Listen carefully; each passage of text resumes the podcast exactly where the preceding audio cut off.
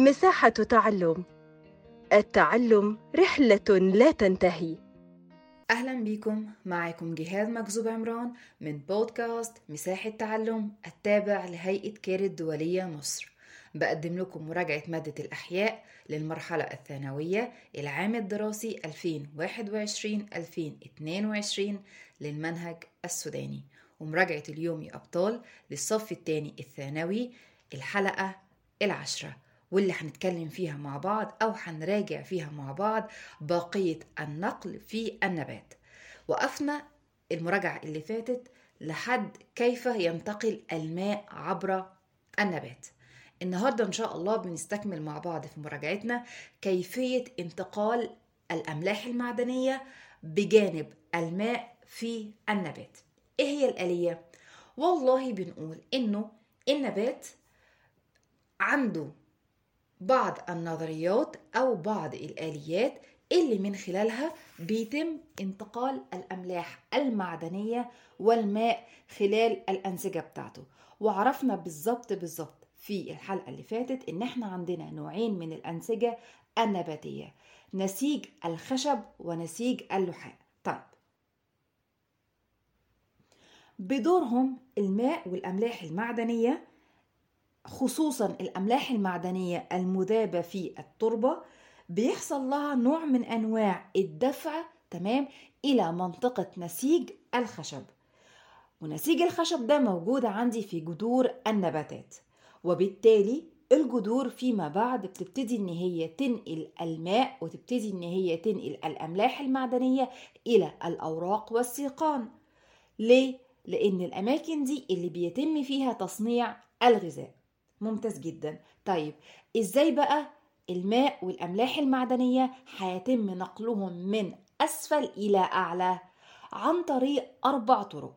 أول طريقة بنقول حاجة اسمها الخاصية الشعيرية تصغير كلمة شعرة. وهنا أهم حاجة بنقول إن يكون قطر نسيج الخشب رفيع جدا أو إيه؟ قطر الأنابيب المكونة لنسيج الخشب أو اللي موجودة في الأوعية الخشبية يكون رفيع ويكون كمان إيه يكون صغير. لأن كلما قل القطر كلما زاد اندفاع الماء والأملاح المعدنية. يبقى الخاصية دي بتعتمد على إيه؟ بتعتمد على صغر قطر الأنابيب الخشبية أو أنابيب اللي موجودة في الأوعية الخشبية. ممتاز جدا. بس في نقطة إن في الخاصية دي لا يمكن نقل الماء إلى ارتفاعات عالية. فبدأ النبات بدوره يدور على طريقة تانية واللي هي حاجة اسمها خاصية التشرب. ويمكن اتكلمنا فيها الحلقة اللي فاتت لما قلنا إزاي الماء بينتقل عبر النباتات. إيه هو التشرب ده؟ والله الجدران الخشبية بدورها بتقدر ان هي تتشرب الماء تمام؟ وكمان الاملاح المعدنية المذابة في التربة تمام؟ طيب بعد كده بيحصل إيه؟ بعد كده والله بيحصل اندفاع لها برضو عبر الأوعية الخشبية. بس برضو رجعنا نقول إن في الخاصية دي مش بينجح دفع الماء إلى ارتفاعات عالية. فبدأ النبات يدور على طريقة ثالثة وهي الضغط الجذري. يعني جاية من الجذر. الضغط اللي بيتم بفعل الجذر بتاع النبات.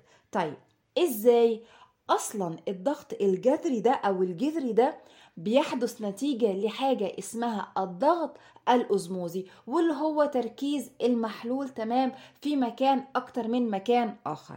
وبالتالي بعد ما بيحدث عندي الضغط الأزموزي بيبتدي يتراكم عندي المحلول في مكان ما في التربة تمام؟ وبكده بيسبب عندي ما يسمى بالضغط الجذري تمام؟ وبالطريقة دي لما بلاقي عندي المحلول متركز في مكان أكتر من المكان التاني بيبتدي الأوعية الخشبية تمام؟ تبتدي إن هي تخلق جو تمام؟ اللي هو بيطلق عليه اسم الضغط الازموزي لأن المحلول بيبتدي إن هو يتركز فيها بيبقى نسبته عالية جدا فبتبقى عطشانة. فكرة كده حضرتك مثلا لما تكون مثلا آكل حاجة مالحة قوي وتحتاج إنك تشرب مية. أو مثلا نقول إيه نقول إن مثلا شربت حاجة مسكرة قوي فمحتاج إن أنا أشرب مثلا إيه أشرب مية. النبات بتبقى تركيز المحلول فيه عالي فبالتالي بيحتاج إلى الماء فيبتدي يخلق الضغط الأوزموزي ده تمام؟ واللي بالطريقة دي ممكن إن هو يساعد على انتقال الماء إلى مرتفعات إيه أو إلى أطوال أعلى فكرة الأشجار إيه الأشجار العالية. حلو قوي. وفي نقطة مهمة جدا في الكتاب بتقول إن الضغط الجذري بيعادل عشرة من الضغط الجوي تمام؟ وبيختلف كمان الضغط الجذري على حاجتين أو حسب حاجتين هي نوع النبات وأي فصل من فصول السنة مثلا النبات ده بينمو فيه أو مثلا إيه أو بيحصل له إيه عملية يعني بيتغذى فيه تمام؟ طيب بعد كده بنقول إن كمان عندنا في نباتات بتبقى نباتات صغيرة قوي. اللي بيساعد النباتات دي على ارتفاع العصارات؟ يعني الماء والأملاح المعدنية وجود عصارات بداخلها تمام؟ طيب وكمان بيساعدها فكرة مين؟ فكرة الضغط الجوي أو عفوا الضغط الجذري. يبقى دي كانت تالت طريقة النبات من خلالها بيقدر ان هو ينقل الأملاح المعدنية ويقدر كمان إن هو ينقل مين؟ ينقل الماء. طيب آخر حاجة خالص يا أبطال هي طريقة أو نظرية بيطلق عليها اسم النتح أو الشد النتحي. حاجة كده تشبه التعرق في الكائنات الحية في الإنسان وفي الحيوان. طيب بالتفصيل كده إيه اللي بيحصل عندي في فكرة الشد النتحي ده؟ والله دي نظرية بتفسر صعود الماء إلى قمم الأشجار بيكون عندي أشجار شاهقة الارتفاعات. طيب هل فكرة الضغط الأزموزي مثلا هيرفع لها الماء ويرفع لها الأملاح المعدنية؟ لأ. طيب التشرب؟ لأ. طيب اللي هي الخاصية الشعيرية أبدا. مين بقى اللي بيساعد في حاجة زي دي؟ ما يسمى بنظرية الشد النتحي تمام؟ إن بتكون في عندي قوة بنقول عليها قوة جذب. قوة الجذب دي بتنشأ عندي في ورقة الشجر تمام؟ بسبب عملية النتح. ورقة الشجر تبتدي إن هي تفقد ماء فيبتدي يتكون فيها قوة إن هي عطشانة. تبتدي بقوة رهيبة جدا تسحب الماء من خلال الأغصان ومن خلال الساق بتاعها يعني هو إيه؟ جذع الشجرة الطويل وبالتالي تسحب الماء من خلال إيه؟ من خلال التربة. والقوة دي بيطلق عليها اسم القوة السالبة. يبقى دولت كانوا الأربع طرق اللي من خلالهم بيتم نقل مين يا أبطال الماء والغذاء في النباتات. طيب الغذاء بقى نفسه يعني الغذاء اللي اتكون في النبات. هينتقل إزاي؟ طيب قبل ما نعرف هو بينتقل إزاي نعرف أصلا بيحصل فين. والله الغذاء ده بيحدث عندي في مكان اسمه نسيج اللحاء واللي بيساعد على نقله من مكان إلى آخر في النبات نظريتين. نظرية اسمها الانسياب الضغطي ونظرية اسمها الانسياب الأزموزي أستاذة مثلا لو أنا نسيتهم في الامتحان أعمل إيه؟ أفتكر كلمة الضغط الأزموزي اقسم بقى الكلمة إلى نصين الانسياب الضغطي والانسياب الأزموزي ممتاز. أول حاجة بالنسبة لي نظرية الانسياب الضغطي. طيب بيفترض إن المية و أو النظرية دي يعني بتفترض إن المية والغذاء تمام بيتم نقلهم عبر أنابيب غربالية. ليه الكلام ده بيحصل؟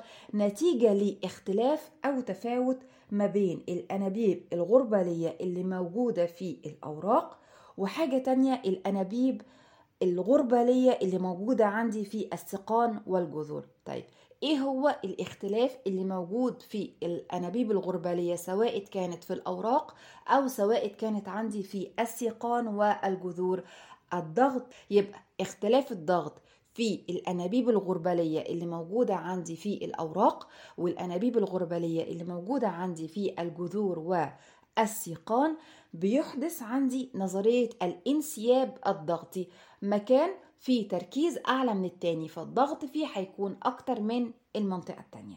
تمام؟ وبالطريقة دي بينتقل عندي سكر الجلوكوز من نسيج أو خلايا نسيج الأوراق إلى ما يسمى بالخلايا البرانشيمية. تمام؟ ودي بتكون مجاورة ملاصقة للأنابيب الغربالية. تمام؟ وبعد كده بتنتقل إلى ما يسمى آه، بالخلايا الغربالية أو الأنبوب الغربالي. تمام؟ وبعد كده بتبتدي يحصل عندي عملية الضغط. وبعد كده الغذاء بيقدر ينتقل إلى الأماكن اللي فيها الضغط منخفض زي الجذور والسيقان.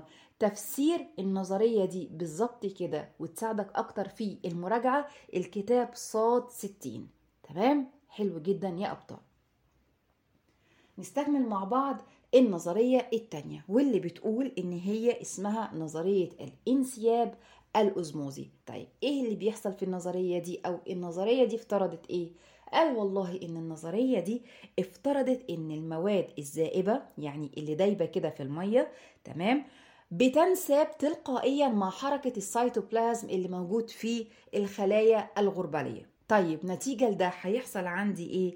هيحصل عندي إنه ال- ال- السيتوبلازم هيبتدي إن هو يندفع بقوة وياخد معاه كل المواد الزائبة دي تمام لحد ما هتوصل لمنطقة في اللحاء اسمها الصفائح الغربالية. طيب بعد ما هتوصل عند الصفائح الغربالية هتبتدي إن هي تروح لأنابيب غربالية أخرى بواسطة عمليتين عملية اسمها الانتشار البسيط وعملية اسمها النقل النشط كده يا أبطال إحنا خلصنا النقل في النباتات. طيب النقل في النباتات يا أبطال شمل إيه؟ شمل عندكم ثلاث مواد بيتم نقلها.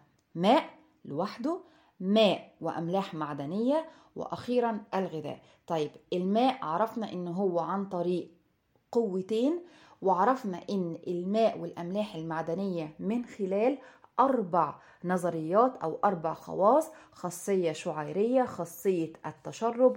بعد كده عندنا الضغط الأزموزي وعندنا خاصية تانية اسمها الشد النتحي. وعرفنا أخيرا أنه انتقال الغذاء في النبات بيتم من خلال نظريتين. نظرية بيطلق عليها اسم الانسياب الضغطي ونظرية أخرى بيطلق عليها اسم الانسياب الأزموزي تمام؟ وفكرة انتقال أو فكرة أصلا صنع النبات في النباتات في آه، الغذاء في النباتات بتتم عندنا في ما يطلق أو في منطقة اسمها اللحاء. إنما المية أو الماء والأملاح المعدنية بيتم نقلها عبر مين؟ أوعية الخشب. خلي بالكم ماء واملاح معدنية خشب. إنما غذاء عن طريق مين؟ عن طريق اللحاء إحنا بكده يا إبطال خلصنا الحلقة دي اللي اتكلمنا فيها عن انتقال أو النقل بصفة عامة في النبات. انتظروني إن شاء الله في الحلقة الجاية نستكمل مع بعض النقل بقى في الحيوان. دمتم يا رب بتفوق وصحة وسلام. شكرا لكم جدا. كنت معاكم أستاذة جيهان